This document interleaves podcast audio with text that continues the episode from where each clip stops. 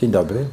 Dzisiaj naszym gościem jest e, pani Jolanta Łapińska, lekarz weterynarii i e, zoopsycholog. I będziemy rozmawiać o dobrostanie zwierząt.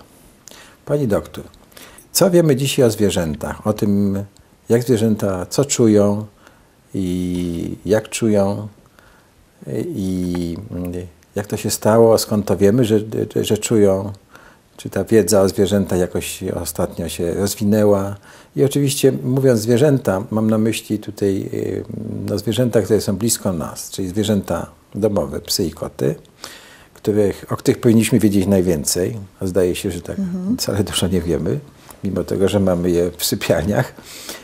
Ale także o zwierzętach gospodarskich. Czyli będziemy rozmawiać o krowach, o świniach, y, o, drobiu. O drobiu, o, czyli o, o kurach i rozumiem też o, o koniach. O, koniach, tak. Część koni jest gospodarska, część koni uważana jest za, konie, za zwierzęta towarzyszące. No tak.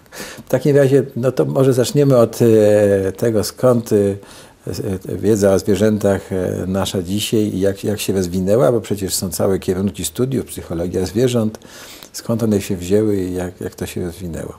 A potem byśmy może porozmawiali, skąd się wzięła ta cała idea dobrostanu, o której tak się dużo mówi.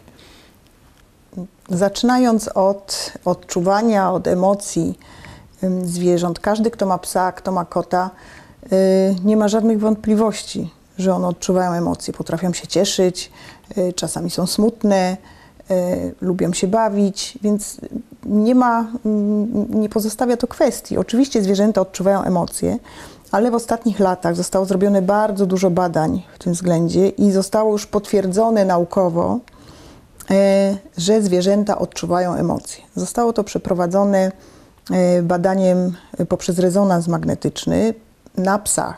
E, dokonała tego ekipa naukowców z Uniwersytetu w Budapeszcie. Psy dwa lata były przygotowane do tego, żeby leżeć spokojnie w czasie badania rezonansem magnetycznym i poprzez różne bodźce, na przykład y, opiekun psa y, dawał mu smakołyk, obca osoba dawała smakołyk. Poprzez rezonans magnetyczny badano aktywność mózgu w czasie tych czynności. I okazało się, że aktywność mózgu jest taka sama jak u ludzi. Czyli takie same procesy neurochemiczne zachodzą w mózgu psów, jak i w mózgu ludzi w czasie takich samych Y, sytuacji. Tak? Więc rozwiewa to ponad wszelką wątpliwość y, wszystkie kwestie dotyczące tego, że zwierzęta odczuwają emocje. One odczuwają emocje tak samo jak my. Chcę Pani powiedzieć, że e, mózg e, psa jest e, bardzo podobnie zbudowany jak mózg człowieka. Za emocje akurat odpowiada układ limbiczny. Układ limbiczny jest starą strukturą mózgu i on jest taki sam u wszystkich ssaków wysoko zorganizowanych. My różnimy się tylko korą nową. E, także w kwestii emocji od, zwierzęta wysoko zorganizowane odczuwają je i w sposób identyczny jak my. Czyli kora nowa to jest coś... Coś, co odpowiada za racjonalne myślenie. Racjonalne myślenie. Mhm. Natomiast to jest też tak, że jest taka bramka pomiędzy układem limbicznym a korą nową i jeżeli pobudzony jest bardzo układ limbiczny, to wtedy jest, zamyka się bramka i kora nowa nie działa. Dlatego często też mamy u zwierząt tak samo. Tak samo. Aha. Dlatego często mamy taką sytuację, że jak się obudzimy w nocy i o czymś myślimy, to wszystko jest dużo gorsze niż potem jak wstaniemy rano i kora nowa dojdzie do głosu. I mówi spokojnie, i wtedy racjonalnie, racjonalnie mówi tak, tak spokojnie, tak. nie denerwuj się. Mhm. Tak to właśnie działa i u zwierząt działa tak samo to, nie, to niezwykłe. I może jeszcze przypomnijmy, jak mówimy o emocjach, to e, e, o czym my, my, jak mówimy odczuwają, że zwierzęta, czy i my odczuwamy emocje, to o czym my mówimy? Radość? Emocje to jest stan psychiczny. Są e, emocje złożone, emocje proste i emocją jest na przykład radość, złość, zazdrość, smutek, no stan, stan psychiczny, emocje są w ogóle bardzo istotne y, do przeżycia, dlatego że ym, pozwalają na szybką reakcję. Wyobraźmy sobie taką sytuację, że jedziemy samochodem i ktoś wybiega nam na drogę. I to, że nie myśląc, nie rozważając tej sytuacji, naciskamy na hamulec, jest sprawą zadziałania emocji. Bo gdyby nie emocja, gdyby do głosu w takiej sytuacji doszła kora nowa i byśmy zaczęli rozważać, czy lepiej skręcić w lewo, czy lepiej tą osobę ominąć z prawej, yy, to by to za długo trwało. I Znaczy, emocje, tego człowieka rozjechali. Tak, emocje pozwalają na bardzo szybkie działanie. Yy, I one są niezbędne do przetrwania i tak samo zresztą u zwierząt. A zanim przejdziemy do tego dobrostanu, który tu obie- obiecaliśmy, jeszcze Mhm. chciałem zapytać, agresja? Agresja też jest stanem emocjonalnym. Oczywiście, że tak. Mhm. Czyli, Agresja, złość to są też emocje, jak najbardziej. czyli i one, tak, nasi bracia, mniejsi zwierzęta mają te agresję i my też. Oczywiście, y, jeżeli y, mamy taką sytuację, że podchodzimy do automatu z, y, z, z jakimiś napojami, wrzucamy pieniądze, raz, puszka na mnie wyskakuje, drugi raz, trzeci. No ja wiem, co się dalej No co tak. wtedy? Wtedy ktoś kopie w ten automat, Kopie wali, tak, albo- I to jest albo klinie, agresja. albo coś, tak, no. Dokładnie. Tak. Jeżeli y, coś się złego dzieje, na przykład z samochodem, nie możemy odpalić, no to kopniemy w oponkę. To jest też No. agresja, tak? Mhm. I to są takie same mechanizmy działania, także y, powinniśmy wykazać zrozumienie w stosunku do zwierząt, y, bo one się kierują takimi samymi, znaczy kierują nimi takie same mechanizmy jak nami. Rozumiem. Czyli po prostu e, e, zajmując się nimi, obojętne, czy one e, pojadą do rzeźni, czy są naszymi zwierzętami towarzyszącymi, powinniśmy zawsze pamiętać o tym, że One tak samo się boją, one tak samo się boją, one tak samo rozpaczają. rozpaczają. Ja w czasie moich studiów weterynaryjnych miałam zajęcia właśnie w rzeźni, dosyć dużo tych zajęć i widziałam, jak krowy płaczą. Widziałam, jak owce płaczą. Także to wszystko jest tak samo jak u nas. E, to Może przejdziemy teraz do tego, Dobrostanu. skąd się wzięła ta idea dobrostanu i co to w ogóle jest e, i skąd to się na, narodziło. Bo rozumiem, że to jest, e, zrodziło się z jakiś, jakiegoś, powiedzmy sobie, no, humanizmu, czy, czy nie wiem jak to nazwać, takiej po, potrzeby lepszego, czy polepszenia e, losu zwierząt, tak? Tak, tak, oczywiście. I to nie jest nowy temat, to jest nowy temat u nas. Natomiast już w 1965 roku rząd Wielkiej Brytanii zaadoptował taką koncepcję pięciu wolności, na której się opiera dobrostan. Także już w Wielkiej Brytanii y, mówiono o dobrostanie od 1965 roku. Mi się Tak? wydaje, że Wielka Brytania w ogóle jest ojczyzną takich... Tak, e, tak, takich działań. E, I co to jest ten dobrostan? Bardzo dużo jest różnych definicji dobrostanu. Jedną z nich jest to stan fizyczny i psychiczny zwierzęcia, obrazujący w jaki sposób radzi sobie ono z otaczającym środowiskiem. Czyli jest to taki stan równowagi organizmu ze środowiskiem. Tak?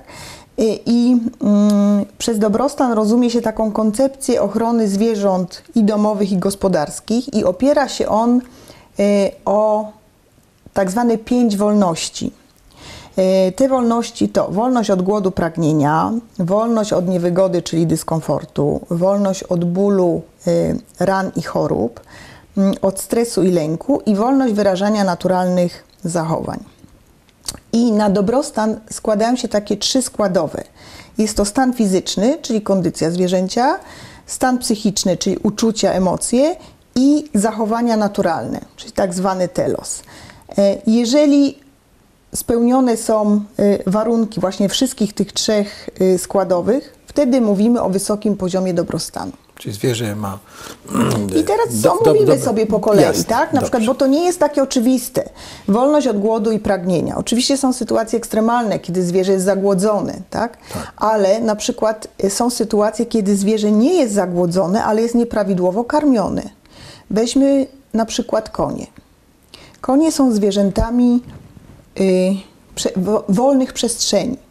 Ich życie polega na tym, ym, oczywiście tych koni wolno żyjących i tych, które mają takie możliwości, że one cały dzień spędzają poruszając się po łąkach, gdzie skubią sobie y, niskoenergetyczną paszę, jak trawa, jakieś tam roślinki, korzonki, tak? Natomiast co my robimy? My zamykamy konie w boksach, po czym karmimy je granulatami i paszami y, wysokoenergetycznymi trzy razy dziennie. Tak? I normalnie koń powinien jeść cały dzień. Natomiast to jest tak, że on w ciągu y, 3 minut zje to, co dostaje. Oczywiście jeszcze tam dostaje siano, które wystarczy mu, nie wiem, na 15 minut, pół Mhm. godziny i resztą stoi i nic nie je. Czyli nie ma. Nie, nie Zupełnie jest, nie uwzględnia się właśnie tej naturalnej, y, naturalnych zachowań koni.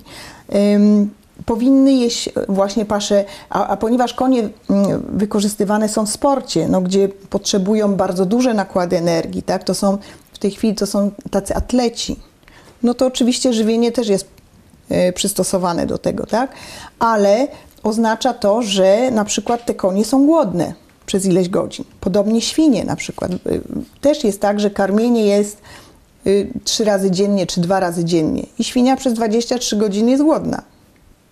Tak więc chodzi o to, żeby dostosować programy żywieniowe do naturalnych zachowań tych zwierząt, do naturalnych schematów żywienia. Czyli co, żłób u konia ma być tak.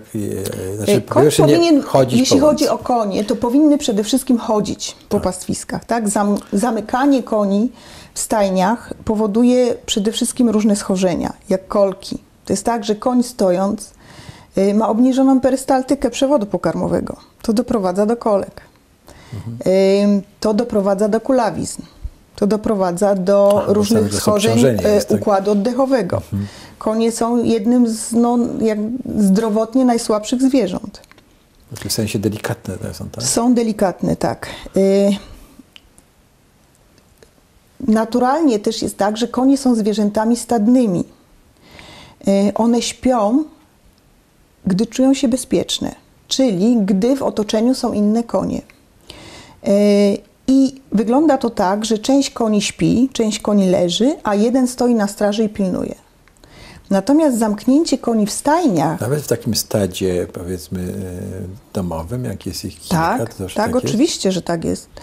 E, Natomiast e, zamknięcie koni w stajniach, jeszcze jeżeli ściany boksów nie są ażu- ażurowe, może spowodować, że koń się nie boi położyć, bo straci z oczu inne konie.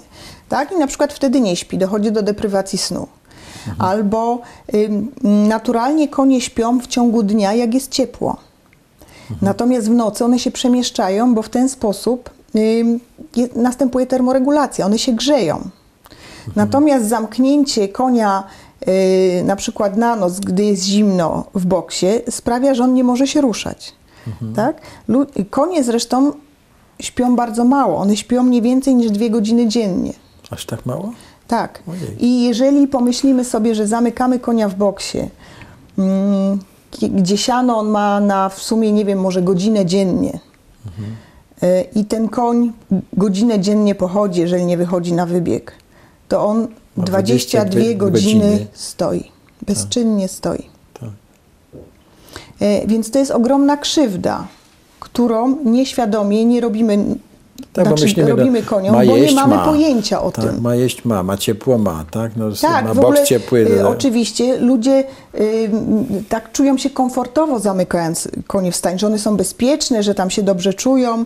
Natomiast jest Mhm. to zupełnie, wynika to z braku znajomości naturalnych zachowań. Tak? Mhm. Konie czują się, y, konie są zwierzętami, które się bawią całe życie. Szczególnie samce, szczególnie wałachy. E, Odizolowanie ich od innych koni, gdzie one nie mogą się wzajemnie skubać, nie mogą się ciągnąć za kantarki, też jest robieniem im ogromnej krzywdy. Dlatego, że one też nie mogą wyrażać naturalnych zachowań. E, Także no, zaczęliśmy tutaj od głodu i pragnienia. Oczywiście, że chodzi o to, żeby każde zwierzę miało dostęp e, do jedzenia i do wody, ale żeby też mogło odżywiać się w sposób charakterystyczny dla gatunku, żeby mogło realizować te schematy żywieniowe e, charakterystyczne dla gatunku. E, Kolejna wolność to wolność od niewygody i dyskomfortu. No i tutaj wszelkie te ym, wielkostadne, ym, wielkostadna produkcja, że tak powiem, tak? Y, Na przykład obory, y, gdzie ym, są stanowiskowe, czyli krowy są przywiązane. To polega na tym, że taka krowa jest uwiązana i ona przez całe swoje życie może tylko wstać i się położyć i nic więcej. Tak, nie może się podrapać, jak ją coś swędzi. Ona tylko wstaje i się kładzie. Y, powinno się dążyć do tego, żeby obory były wolnostanowiskowe. E, Taka obora polega na tym, że są miejsca, gdzie się krowy karmi, e, są stanowiska wysłane słomą, gdzie krowy się kładą i się przeżuwają, i, i przeżuwają. Krowy dużą część dnia spędzają leżąc.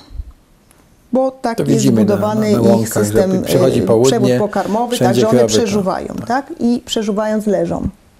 W związku z tym chodzi o to, żeby miały wygodnie, komfortowo, żeby im się nie robiły jakieś odgnioty, nie, odleżyny, tak, żeby chętnie się kładły, bo jeżeli nie ma słomy, jest twardo, to one się nie chcą kłaść, tak. Y, krowy kochają czochradła. To są takie wałki z, z takiej, takiego grubego włosia albo takiej y, plastikowej linki, takie jak w myjniach do samochodów, tylko to jest dosyć twarde. I Krowy do tego podchodzą i tam y, się Czochrają czochrają. to, tak. I one to uwielbiają.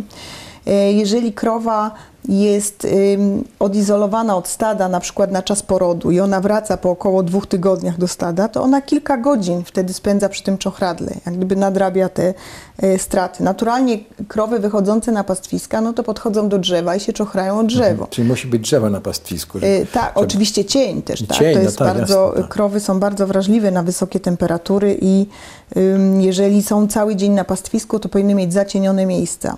Mhm. Y, Krowy też lubią się bawić. Krowy są bardzo ciekawskie. Zrobiono takie doświadczenie, że zawieszono worek z sianem y, krową w oborze i one się bawiły nim kilka godzin, sobie go odbijały. Tak? Widziałam taki film, gdzie wrzucono śnieg krowom do y, obory i one skakały po tym śniegu i się tak cieszyły. No zwykła sprawa śnieg, tak? Natomiast jeżeli uzmysłowimy sobie, że taka krowa nie wychodzi całe życie z tej obory y, i pijemy ona poza pijemy jedzeniem... Mleko, pijemy mleko od niej, tak? Tak. I ona poza jedzeniem, nic więcej tam, jedzenie, przeżuwanie, no to czochradło i nic więcej nie ma, tak? Relacje z innymi I krowami. jeszcze stoi, jak pani powiedziała, w boksie często. Nie tyle w boksie, co jest przy- przywiązana po prostu w stanowisku, tak? Y, W tej, więc y, w tej chwili mm, y, u nas, mm, powinnam to może powiedzieć na ym, początku, nie ma, y, polskie prawo nie posługuje się takim sformułowaniem dobrostan, tylko, tylko określa minimalne warunki utrzymania. Jest ustawa z 97 roku o ochronie zwierząt, potem y, też troszkę zmieniana, ale tam jest y, wyszczególnione, to specjalnie sobie wydrukowałam. Jeśli chodzi na przykład o cielęta, zabrania się utrzymywania cieląt powyżej ósmego tygodnia życia w pojedynczych boksach i na uwięzi z wyjątkiem pory karmienia, a w czasie jej trwania nie dłużej niż jedną godzinę. Czyli to już też y, tutaj reguluje ustawa.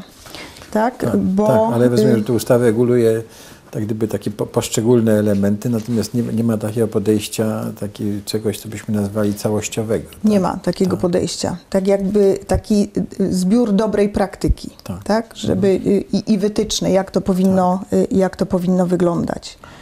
Y, Natomiast no jest już coraz większa świadomość. Ja y, brałam też udział w, w takiej kampanii jednej z firm y, produkujących wyroby mleczarskie.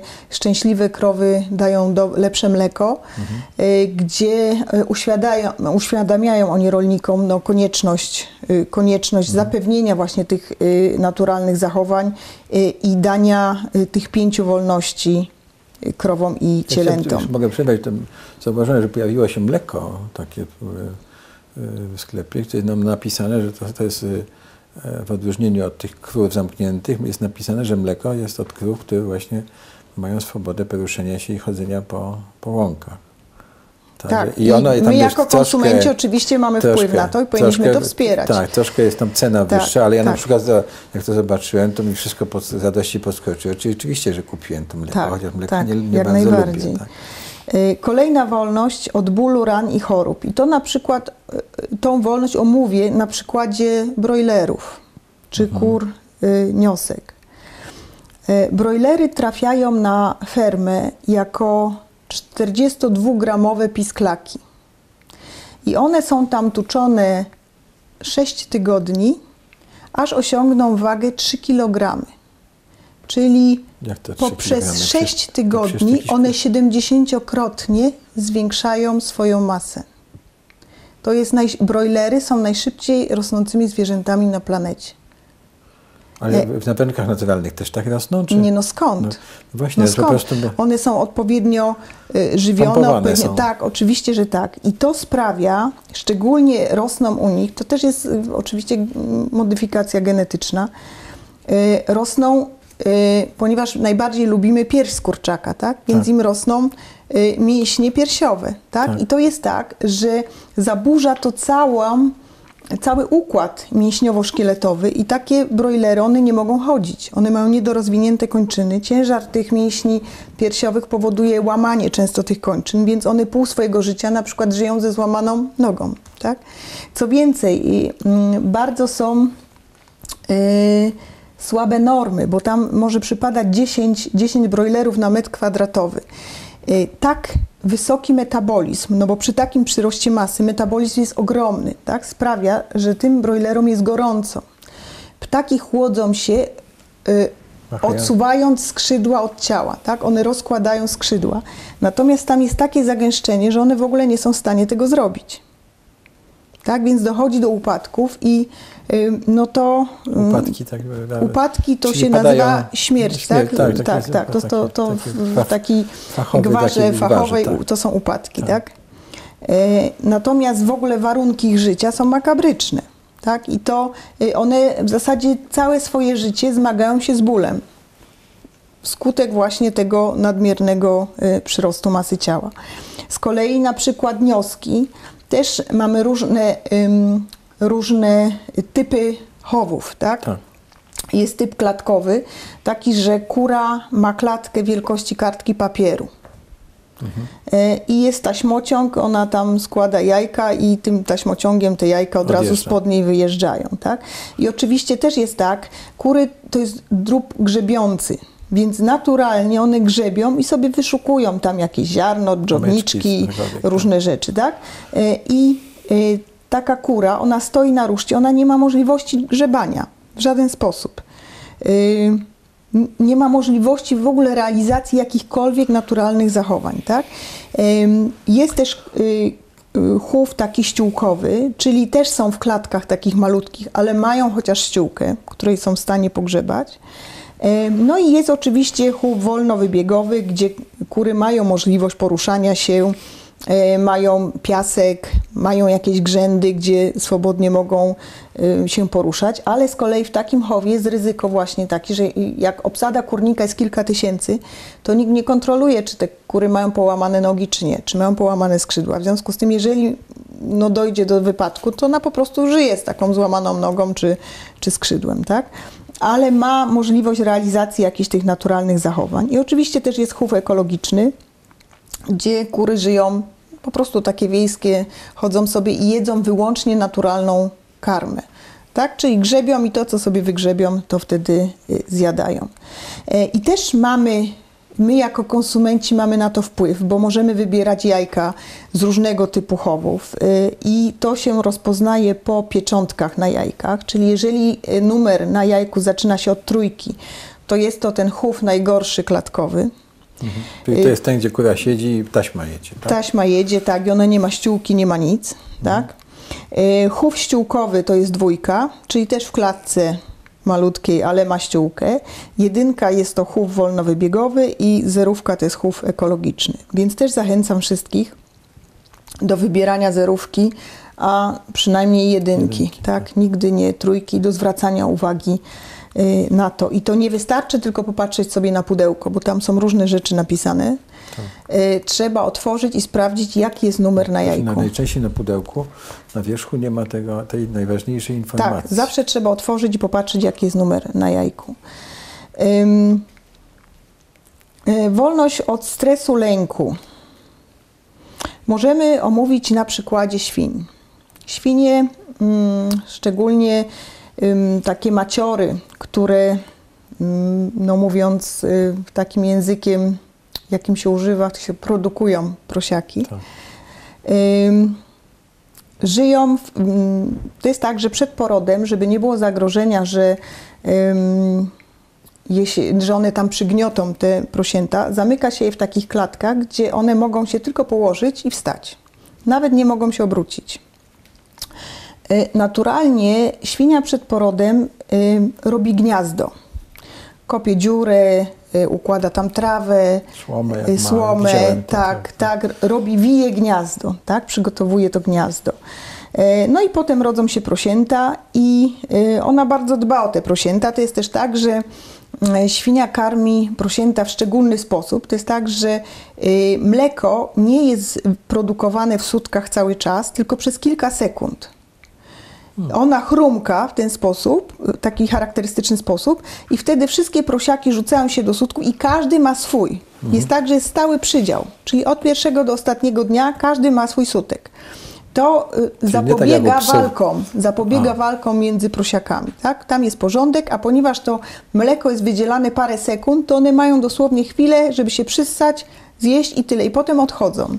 E, I to właśnie też jest taki mechanizm zabezpieczający przed tym, żeby mm, no, maciora nie przygniotła tych, y, tych Czyli nie y, potrzeba prosiąt. tych mechanicznych stosować, tak? Wystarczyłoby tylko właśnie zrobić, y, umożliwić jej wicie gniazda, tak? Natomiast niemożność wicia tego gniazda w momencie, kiedy ona czuje, że zbliża się poród, jest źródłem ogromnego stresu i lęku, tak? Y, oczywiście też y, nie ma mowy o jakimkolwiek komforcie psychicznym, tak? Taka świnia, żeby ona była w miarę w dobrej kondycji, jest karmiona raz dziennie, No czyli ona cierpi z głodu cały czas. Świnia powinna mieć komfort psychiczny. No właśnie, tak się to niektórym wydaje, że, że to są tylko kotlety schabowe, prawda? no tak. Natomiast świnie są bardzo inteligentnymi zwierzętami. One są, y, myślę, tak samo inteligentne jak psy. I znam przypadki mm, w niektórych chlewniach jest tak, że są automatyczne takie ym, karmniki dla świń. Świnie mają obroże z chipami i karmnik rozpoznaje chip, o, świnia podchodzi, on się otwiera i wtedy świnia je, tak? Ale ona ma prawo jeść raz czy tam dwa razy dziennie. Jak już zjadła raz, no to wtedy ten karmnik już się nie otworzy. tak. I świnie się na, y, y, są w stanie wymyśleć, że na przykład zdejmują obroże innej świni, która jeszcze nie, nie jadła i podchodzą z tą drugą obrożą i jedzą dwa razy. To są naprawdę bardzo inteligentne stworzenia, y, które no, traktujemy w bardzo okrutny sposób.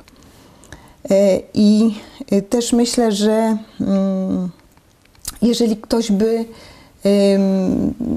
zobaczył, jak wygląda taka ferma, y, no to, no to miałby duże wątpliwości y, przy jedzeniu kotleta schabowego. Y, Kolejna wolność to jest wolność wyrażania naturalnych zachowań. Ja już tutaj wielokrotnie mówiłam o tych naturalnych zachowaniach. Natomiast myślę, że to jest największy problem. Y, Dlatego, że no każdy wie, że zwierzę trzeba karmić, że ono musi mieć w miarę jakieś komfortowe warunki, w sensie takim, żeby mieć wygodne jakieś posłanie, czy miejsce, gdzie się położy, ruch. Y, Oczywiście też, m, że choroby trzeba leczyć. Natomiast my nie wiemy, nie mamy wiedzy takiej na temat naturalnych zachowań gatunków. Co więcej, nie mamy takiego, takiej chęci poznania. Y, Ludzie y, mają takie tendencje do antropomorfizowania i przypisują swoje cechy zwierzętom i swój punkt widzenia zwierzętom. Tak? I starają się, nawet ci, co mają ukochane psy czy koty, starają się ym, ulepszyć im życie według no, własnych jakichś y, kryteriów, tak? co niekoniecznie pokrywa się z, y, no, z potrzebami tych zwierząt. Przykład tak? jakiś? Y, Psich, Często, jak jestem na wizytach, na konsultacjach u kotów, widzę, że ludzie mają taką tendencję do postrzegania kota jako takiego y, leniwego stworzenia, które tylko leży i śpi i mruczy, tak? I y, y, na przykład jeżeli kot wejdzie na parapet i sobie wygląda przez okno, no to tam natychmiast się pojawia kocyk albo poduszeczka, tak? Albo jak się gdzie indziej położy, to też od razu tam y, kładziemy kocyk. I nie ma w tym nic złego oczywiście. Natomiast trzeba też zauważyć inny aspekt życia kota, że kot jest zwierzęciem drapieżnym, y, że on potrzebuje ruchu, że potrzebuje wyzwań, że y, upolowanie ofiary jest dla niego źródłem satysfakcji. W związku z tym kot, który mieszka w domu, nie wychodzi i on leży tylko na lewym albo na prawym boku, jest sfrustrowany i jego życie nie ma żadnego sensu. Także trzeba na tyle wzbogacić środowisko życia kota, zapewnić mu takie zabawy, takie aktywności, które zrealizują tą potrzebę y, zwierzęcia drapieżnego. Y, Także zachęcam wszystkich, którzy y, mają zwierzęta, do tego, żeby czytali o, o, o potrzebach tych konkretnych gatunków. Też miałam tak, dosyć często takie sytuacje, mm, że y, weganie karmili kota y, białkiem roślinnym. W ogóle nie dostarczali mu y, białka zwierzęcego. Koty są zwierzętami drapieżnymi i one mają przewód pokarmowy taki jak u zwierzęcia drapieżnego, bardzo krótki. One nie, nie przyswajają białka roślinnego. One muszą mieć białko zwierzęce y, i dosyć dużą zawartość tauryny. Jeżeli nie karmimy kota mięsem, to on w krótkim czasie oślepnie, bo odkleją mu się siatkówki y, w oczach i dojdzie do kardiomiopatii mięśnia sercowego. Czyli? Także, y, czyli zwyrodnienia mięśnia sercowego. Tak? Taki, bardzo skracamy takiemu kotu życie. E, I też, jeżeli ktoś się decyduje na kota, sam nie chce jeść mięsa, ja też nie jem mięsa, ale moje koty jedzą, e, to musi zaakceptować fakt, że kot jest zwierzęciem drapieżnym. Jeżeli nie jest w stanie tego zaakceptować, no to proponuję, żeby miał na przykład królika. I takiego No tak, problemu nie będzie. nie- tak? nie. Także dostrzeganie potrzeb zwierząt i- konieczność ich realizacji no jest w ogóle podstawą Dobrostanu. dobrostanu tak, y, zwierząt. Też bardzo często ludzie dzielą zwierzęta na te towarzyszące, no i te gospodarskie. Te tak? Gospodarskie nie mają tak, potrzeb. Tak, i y, bardzo wygodnym stanowiskiem jest po prostu zamknięcie oczu i niedostrzeganie Tak. tego, w jakich te zwierzęta warunkach żyją. Ja oczywiście jestem realistką i nie wierzę w to, że dojdzie do takiej sytuacji, że nie będzie się mięsa w ogóle jadło. Y, Natomiast chodzi o to, żeby budować dobrostan tych zwierząt, czy, na którym my jako konsumenci mamy ogromny wpływ. Tak, właśnie poprzez wybieranie odpowiednich produktów, poprzez wywieranie presji. Czyli rozumiem, że jeżeli jemy, chcemy jeść wieprzowinę, to postarajmy się, i to jest bardzo, nie wiem jak to nazwać, etyczne, humanitarne, ludzkie, tak, żeby e, świnia d- miała Żeby dobro zapewnić życie jej komfort życia, i, i, tak. dobro, i dobrą śmierć. Tak, tak. No, śmierć nigdy nie jest dobra, natomiast No, dobra, trzeba dążyć jasne, do tak. zminimalizowania stresu, tak? I też uważam, że powinno się dążyć w kierunku ograniczenia transportu żywych zwierząt. Tylko ubój przeprowadzać na miejscu, a transportować mięso. Ale Mhm. oczywiście transport żywych zwierząt jest tańszy niż transport mięsa w chłodniach.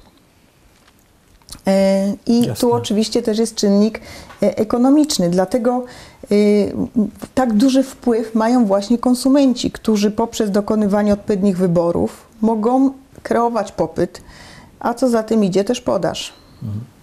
Czyli, czyli wróćmy jeszcze do tego do, dobrostanu tych, bo Mhm. mam takie wrażenie, że y, że każda z tych wolności była omówiona na innym e, Tak, przykładzie, tak. tak. I to, że taki był zamysł, ale żeby nie było tak e, Mhm. łatwo, to sp- spróbujmy to jeszcze e, po- podsumować, jak gdyby mówiąc o, o tych poszczególnych ga- gatunkach, tak? Tak. Czyli o, o koniach, e, krowach, świniach, kotach, ko, Psach? No, no i nic nie I psach. mówiliśmy Jeszcze o ka- psach, o tak. psach o, o zwierzęta, o zwierzęciu, no już wybitnie takim domowym obok. To może na psie omówimy wszystkie te wolności.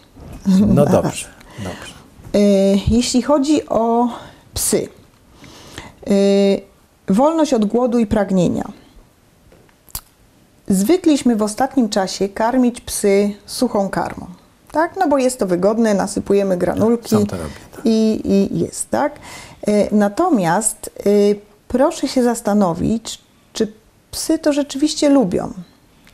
Bo oczywiście one nie głodują, ale y, jeżeli pomyślimy sobie, żebyśmy całe życie jedli y, jedno i to samo tekturowe jedzenie, no to Chrupki. y, chrupki by nam się to znudziło, tak? Ja wszystkich zachęcam, żeby stosowali urozmaiconą karmę. Oczywiście to musi być też zgodne z wytycznymi żywieniowymi, natomiast karma nie pełni tylko roli odżywczej, ale też bardzo ważne funkcje behawioralne. Y, Jedzenie dobrych rzeczy sprawia przyjemność, tak? I, i y, ja tak, no uważam, to że Każdy z nas to wie. Tak? y, jedzenie powinno być takie, jakie pies lubi. Spełniać wszel- wszelkie kryteria odżywcze, ale to powinno być tak, że stawiamy psu jedzenie w misce i on z apetytem wszystko zjada. A nie, że miska stoi cały dzień i on chodzi tam. To miska psa to nie może stać cały dzień. No, No, cho- nie powinna, ale chodzi o to, że on no, po prostu nie przepada za tym, no je, bo musi. Tak, więc też y, ten aspekt. Też chciałabym zwrócić y, uwagę na inny aspekt. Może to nie jest wolność od głodu i pragnienia, y, ale też związana z żywieniem, że my przekarmiamy nasze psy. Badania pokazują, że około 60% psów ma nadwagę. Natomiast połowa właścicieli tych psów uważa, że waga ich, jego psa jest właściwa. Tak więc ludzie mają tendencję do przekarmiania psów. Yy, Otyłość, otyłość też jest zaburzeniem dobrostanu. Tak? Bo taki pies zaczyna mieć problemy z aparatem ruchu, zaczyna kuleć, bo mu wysiadają biodra, zaczyna y, chorować na cukrzycę i inne choroby związane z otyłością. Tak? W związku z tym y, też uczulam na ten fakt. Wolność od niewygody i dyskomfortu. Y, Tu są ekstremalne przypadki, na przykład na wsiach, gdzie psy są na łańcuchach w jakichś, y, trudno to nazwać, Przez budach przez całe życie, gdzie nie są w ogóle puszczane luzem. Natomiast to ustawa o ochronie zwierząt też definiuje. Y, I też pozwolę sobie tu y, przytoczyć zapis, jaki tam jest.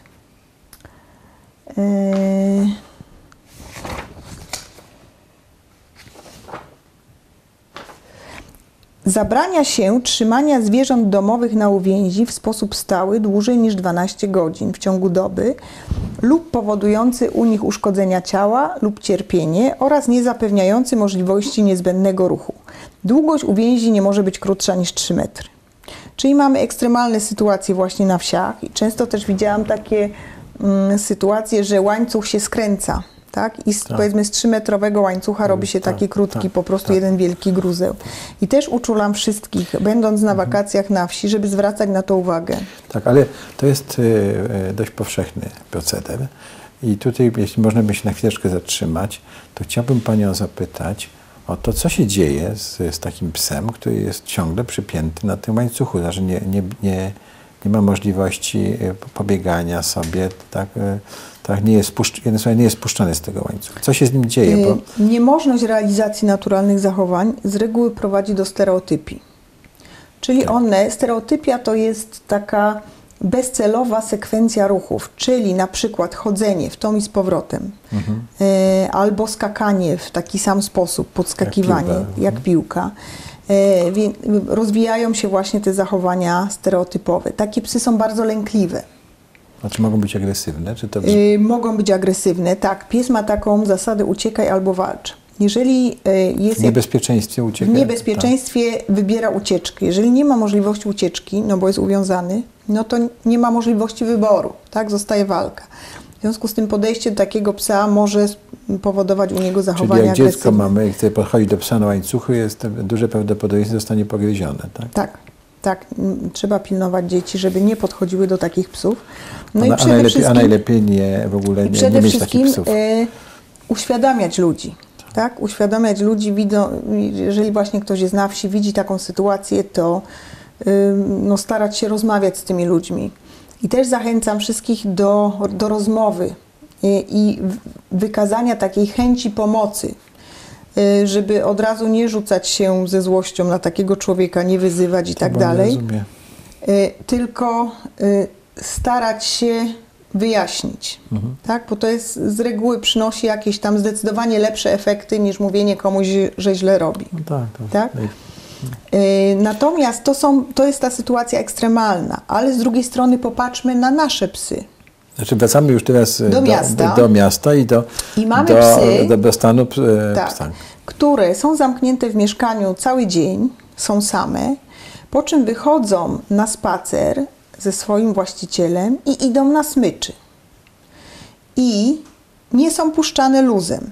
Y, W obecnych czasach jest taka presja, ponieważ tych psów jest rzeczywiście dużo. I ja rozumiem ludzi, którzy nie mają psów, że ich denerwuje to, że jest brudno, że te psy się załatwiają i tak dalej. Y, I tu też apel do osób, do właścicieli psów, żeby sprzątali po swoich psach, bo nie to jest naprawdę trudne. y, kluczowe. Natomiast chodzi o to, że y, dochodzi do jakiejś histerii, że pies ma być na smyczy, w kagańcu, najlepiej w ogóle, żeby gdzieś za kratami, w psim parku, odgrodzony i to też nie jest dobre. Y, Bardzo ważne jest, żeby umożliwiać psu swobodny ruch. E, Dlatego, że y, pies w czasie swobodnego ruchu, czyli wtedy, kiedy nie idzie na smyczy, on się porusza własnym tempem. Jeżeli pies całe życie chodzi na smyczy, całe życie dostosowuje tempo marszu do osoby prowadzącej go. I to sobie możemy wyobrazić, co on czuje, i y, wyobrażając sobie właśnie, że idziemy z jakąś bardzo starszą panią pod rękę i idziemy jej tempem. Tak? Także y, mm, i tak całe życie Tak. że nie możemy iść własnym tempem. To jest bardzo, y, bardzo, ym, no też uniemożliwienie realizacji naturalnych zachowań psom. Jeżeli ktoś mieszka w centrum miasta, niekoniecznie Warszawy, miasta, to powinien przynajmniej raz w tygodniu pojechać z tym psem za miasto, puścić go i dać mu możliwość pobiegania. To jest raz w tygodniu to jest minimum, tak? Ale im częściej, y, im częściej, tym y, lepiej. Y, Odciąganie psa od innych psów. To też jest tak, że jest taka zbiorowa histeria, że pies nie może podejść do psa, e, co też powoduje, izolacja od innych psów powoduje e, agresję. Więc te psy mieszkające w miastach też to nie wygląda tak dobrze. Często bardzo zamyka się psa w klatce, na przykład, bo niszczy w domu, czy, y, czy y, ktoś kiedyś powiedział, że tak powinno Tak. być, tak? Pies nie powinien być zamknięty w klatce więcej niż 4 godziny. I ta klatka musi być na tyle duża, żeby on się mógł położyć na boku z wyciągniętymi łapami e, i stanąć, nie dotykając uszami do sufitu, tej, do, do Do górnej górnej, górnej, mm, ściany i obrócić się w tej klatce. Tak więc to duża ta klatka powinna być. Z reguły te klatki są e, za małe, więc na to też uczulam wszystkich. Jeśli chodzi o wolność od bólu, ran i chorób, psy i inne zwierzęta odczuwają ból tak samo jak my. Różnica polega na tym, że zwierzęta ukrywają ból. To jest taki mechanizm obronny, taki atawizm, dlatego że e, wszelka słabość, choroba e, zmniejsza szanse przeżycia. Może spowodować, że inne zwierzę to zwierzę zaatakuje, tak? bo to jest łatwa ofiara, łatwy łup. Dlatego zwierzęta ukrywają ból. E, My chodzimy i wszystkim opowiadamy, jak to nam strzyka w krzyżu, tak? albo nas coś tam boli. Natomiast zwierzęta przeciwnie, one robią wszystko, żeby to ukryć. E, I były robione takie e, badania obserwacyjne na stadzie buchajów po kastracji. Oczywiście nikt nie daje tym zwierzętom leków przeciwbólowych po kastracji i one cierpią straszliwie z powodu bólu.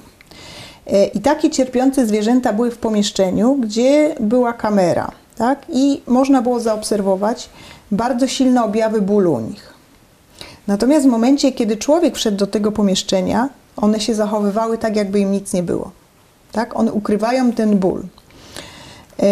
I I to, to, jeszcze, samo robią inne zwierzęta. to tak? samo robią inne zwierzęta, tak, szczególnie na przykład koty są mistrzami kamuflażu. Dlatego jeżeli y, ktoś ma chorego kota, czy ten kot się zaczyna dziwnie zachowywać, trzeba nakręcić film i pokazać lekarzowi film. Dlatego, że lekarz w lecznicy nie dostrzeże bólu, bo ten kot będzie się zachowywał tak, jakby mu nic nie było. On zbierze wszystkie swoje witalne siły, żeby nie Zam- pokazać, że coś mu słabość. Tak, tak. Y, tak jest y, ze wszystkimi zwierzętami.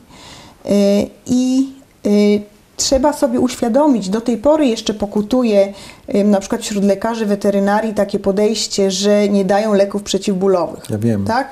Po operacji czy coś, a to się, nie będzie się ruszał, to będzie się lepiej goiło. Tak? A Tak. jak mu dam lek przeciwbólowy, to zacznie chodzić i może się bardziej uszkodzić. Nie jest to podejście słuszne, dlatego że ból powoduje szkody w organizmie.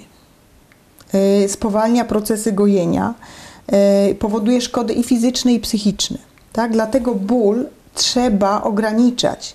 I rzeczywiście jest tak, że u zwierząt nie powinno się tego bólu znieść całkowicie, ale ograniczyć go w taki sposób, Znaczy całkowicie, to znaczy chodzi o to, Znaczy żeby zwierzę o nie to- poczuło się nagle, że jest zdrowe tak, i żeby nie żeby, zrobiło... nie miało, żeby miało świadomość, że na przykład coś z łapą jest nie w porządku. Mhm, ale niekoniecznie musi być tak, że Ale nie, że cierpi tak, że nie jest w stanie wytrzymać. wytrzymać. W związku z tym stosujemy u zwierząt leki przeciwbólowe.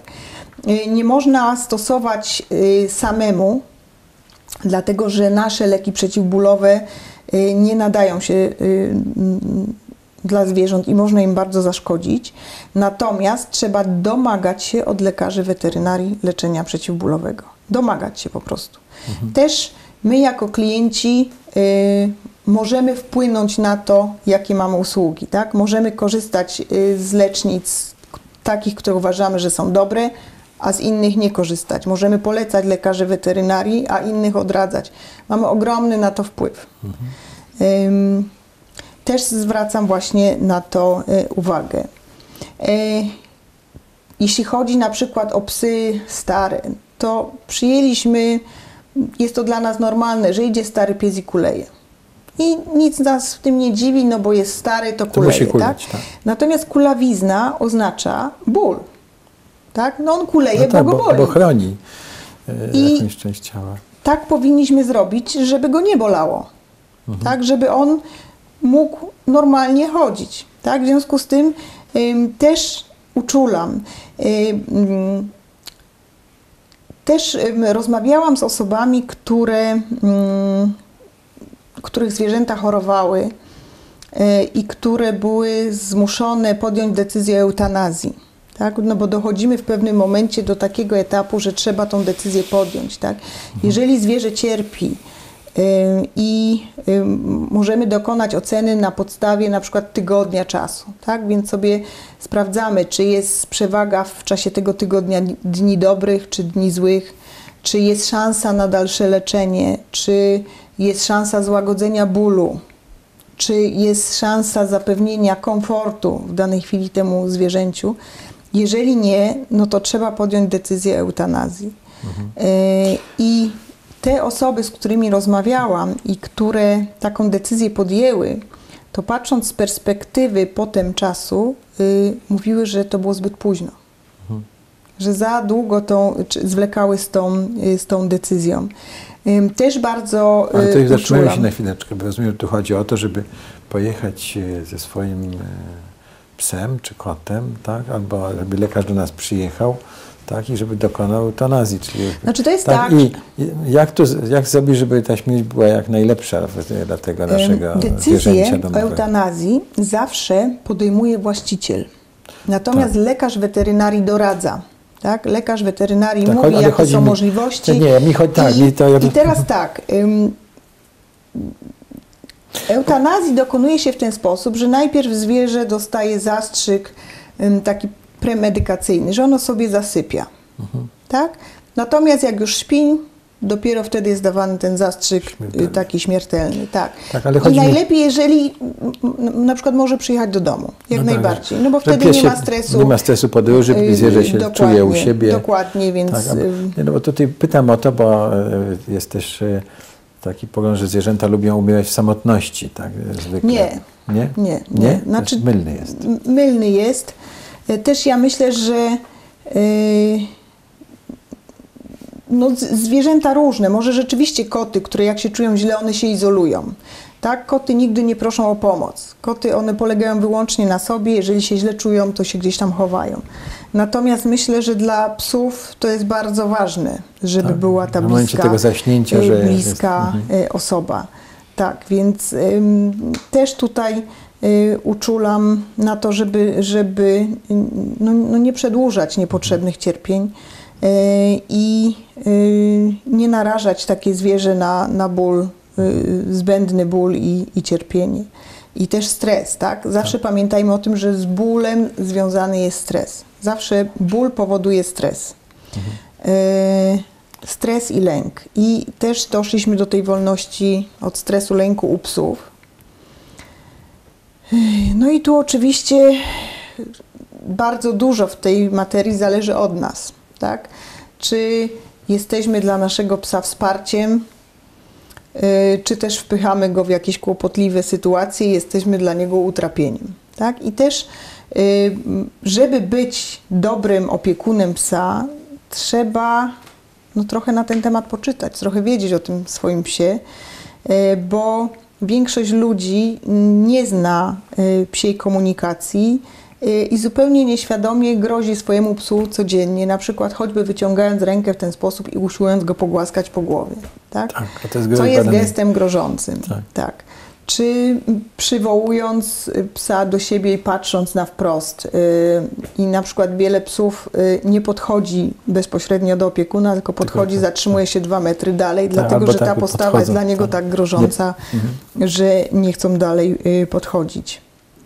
Więc no, zawsze podstawą dobrych relacji jest jakaś tam wiedza, przynajmniej w minimalnym zakresie i zachęcam wszystkich do zdobywania tej wiedzy.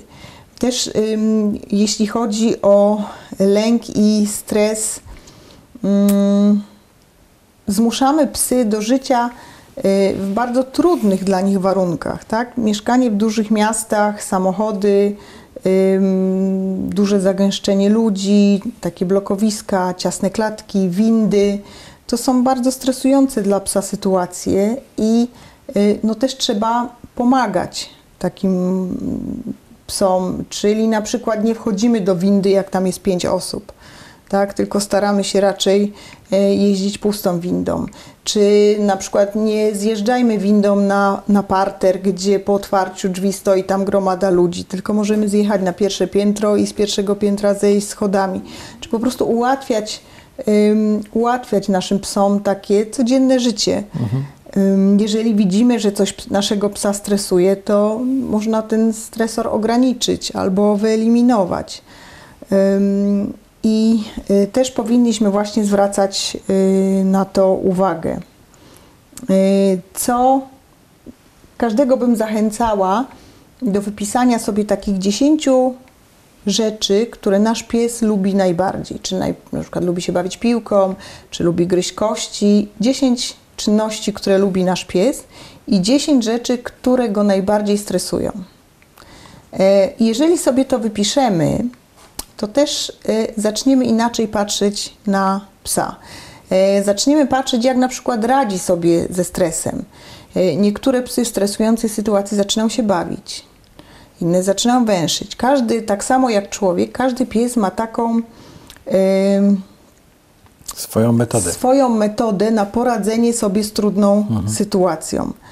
Y, I poczynienie takich obserwacji też bardzo y, m, może pomóc y, w z kolei pomożeniu psu w radzeniu sobie z taką trudną sytuacją. Będziemy wiedzieć, co takiemu psu zaproponować. Jeżeli się zestresuje, a wiemy, że lubi piłkę, możemy w takiej sytuacji na przykład rzucić mu piłkę. Pomóc mu wybrnąć z kłopotliwych, Tak, y, y, z problemowych sytuacji. Tak. Jeśli chodzi o wolność wyrażania naturalnych zachowań, najważniejszym zmysłem psa jest węch. Psy widzą świat zapachami, nie obrazami jak my. I bardzo często widzę y, na, w parkach, jak ludzie są na spacerze ze swoim psem, i bardzo mnie to boli, że taki pies idzie i sobie gdzieś tam coś chce wąchać, a człowiek go ciągnie i mu na to nie pozwala. To jest tak, jakby nam ktoś klapki na oczy założył. Psy muszą węszyć. Im więcej węszą, tym jest lepiej. Więc pozwalajmy naszym psom węszyć. Y, Pies też na przykład znaczy teren y, i komunikuje się z innymi psami za pomocą moczu. Tak? Tak. W związku z tym taki pies załatwia się na spacerze kilkanaście razy. I nie możemy wyprowadzać psa na spacer na minutę, że wyjdziemy, on się załatwi raz i wracamy do domu. To też jest uniemożliwienie realizacji naturalnych zachowań. Y, Psy kochają się tarzać. Też my im na to nie pozwalamy. Tak? A to jest pobrudzą naturalne, tak, bo się pobrudzą. Y, I wiele, wiele jest takich czynności, które po prostu blokujemy. Bo nie, nie, wiemy po prostu, tak? Z niewiedzy to Nie wiemy, albo jest dla nas niewygodny. Mimo tak? tego, że mamy to zwierzę od iluś tam, nie parę, Tak, parę tak. kilkudziesięciu tysięcy lat tak na dobre, to I na, z moich doświadczeń wynika, że no naj, naj, nie chcę tu powiedzieć najgorszym typem właścicieli psów, ale y, najwięcej problemów z psami mają tacy ludzie, którzy mm, mają psy od nie wiem 20 lat. Dlatego, że oni zdobyli wiedzę na temat psów 20 lat temu, kiedy ona była bardzo ograniczona. W tej chwili y, jest czas bardzo takich intensywnych badań y, nad etologią, nad psychologią zwierząt, y, szczególnie psów, bo psy są takim gatunkiem najbliższym człowiekowi. I najmniej rozpoznany, jakby się wydawało. To jest tak zwana ewolucja konwergentna, czyli dwa gatunki, które nie są zbliżone genetycznie do siebie, żyją obok siebie w takich samych warunkach i nauczyły się w taki sam sposób rozwiązywać problemy e, i rozumieć siebie nawzajem. E, Zbadano psy e, pod kątem tego, w jaki sposób patrzą na ludzką twarz. Dlatego, że okazuje się, że my, patrząc na twarz drugiego człowieka, patrzymy na lewą połowę. O, E, I psy tak samo. Żadne inne zwierzę tak nie robi, natomiast psy, patrząc na ludzką twarz, patrzą na lewą połowę. E, Badano to w ten sposób, że za ekranem, na którym ukazywały się różne obrazy, była kamera. I jeżeli był pokazany y, jakiś tam przedmiot, czy inne zwierzę, inny pies, psy patrzyły na wprost. Natomiast jak się ukazywał obraz człowieka, zdjęcie człowieka, to ludzkiej. natychmiast kierowały na lewą półkulę. Chociażby właśnie I takie... dlaczego one tak robią? No bo to jest wynik właśnie tej ewolucji konwergentnej. Skutek tego, że żyją z nami tak od, blisko. od, nauczyły się od nas? Nie wiem, to jeszcze nie jest zbadane. Jeszcze nie jest badane. Jeszcze nie jest zbadane, ale jest potwierdzone, że tak się dzieje. Więc y, teraz obecnie psy są modelem do takich badań poznawczych ludzkich. Też to odnosimy y, też y, do, do badań nad psami i można zaryzykować stwierdzenie, że właściwie psy są najbliższym nam gatunkiem. Nie pod względem genetycznym, ale pod względem takim ym, najbliżej nas żyją. Mhm. Tak? Dlatego, że y, kot zawsze pozostanie dziki. Tak? Kot czy mieszka w domu, czy nie. To jest trochę niezależny y, od Jest niezależny tak, tak. i kot sobie poradzi. Y, natomiast psy y, wybierają życie z ludźmi. Tak, nawet te takie, u- które uciekają, że trzymają siedzib ludzkich gdzieś tam. Są psy oczywiście, które mają ym, takie hobby jak włóczęgostwo. No ale to jest na to, to w Ale pewnym sensie to- naturalne, za, tak? Tak, Psy. ale to one wracają. Wracają, tak? No tak. chyba, że się zgubią, no to nie są w stanie wrócić. y, Niemniej jednak wracają. Chciałbym, zanim jeszcze przejdziemy do lektur, Mhm. e, chciałbym jeszcze wrócić e, do tego tematu, który poruszyliśmy troszeczkę, mianowicie dobrej śmier- śmierci, tak? I, i do e, e, e, e, e, ubijania, jeśli mogę użyć tego fachowego, tak? Uboju. E, uboju zwierząt gospodarskich. Chodzi mi głównie o, o, o bydło i o krowy i o, o świnie.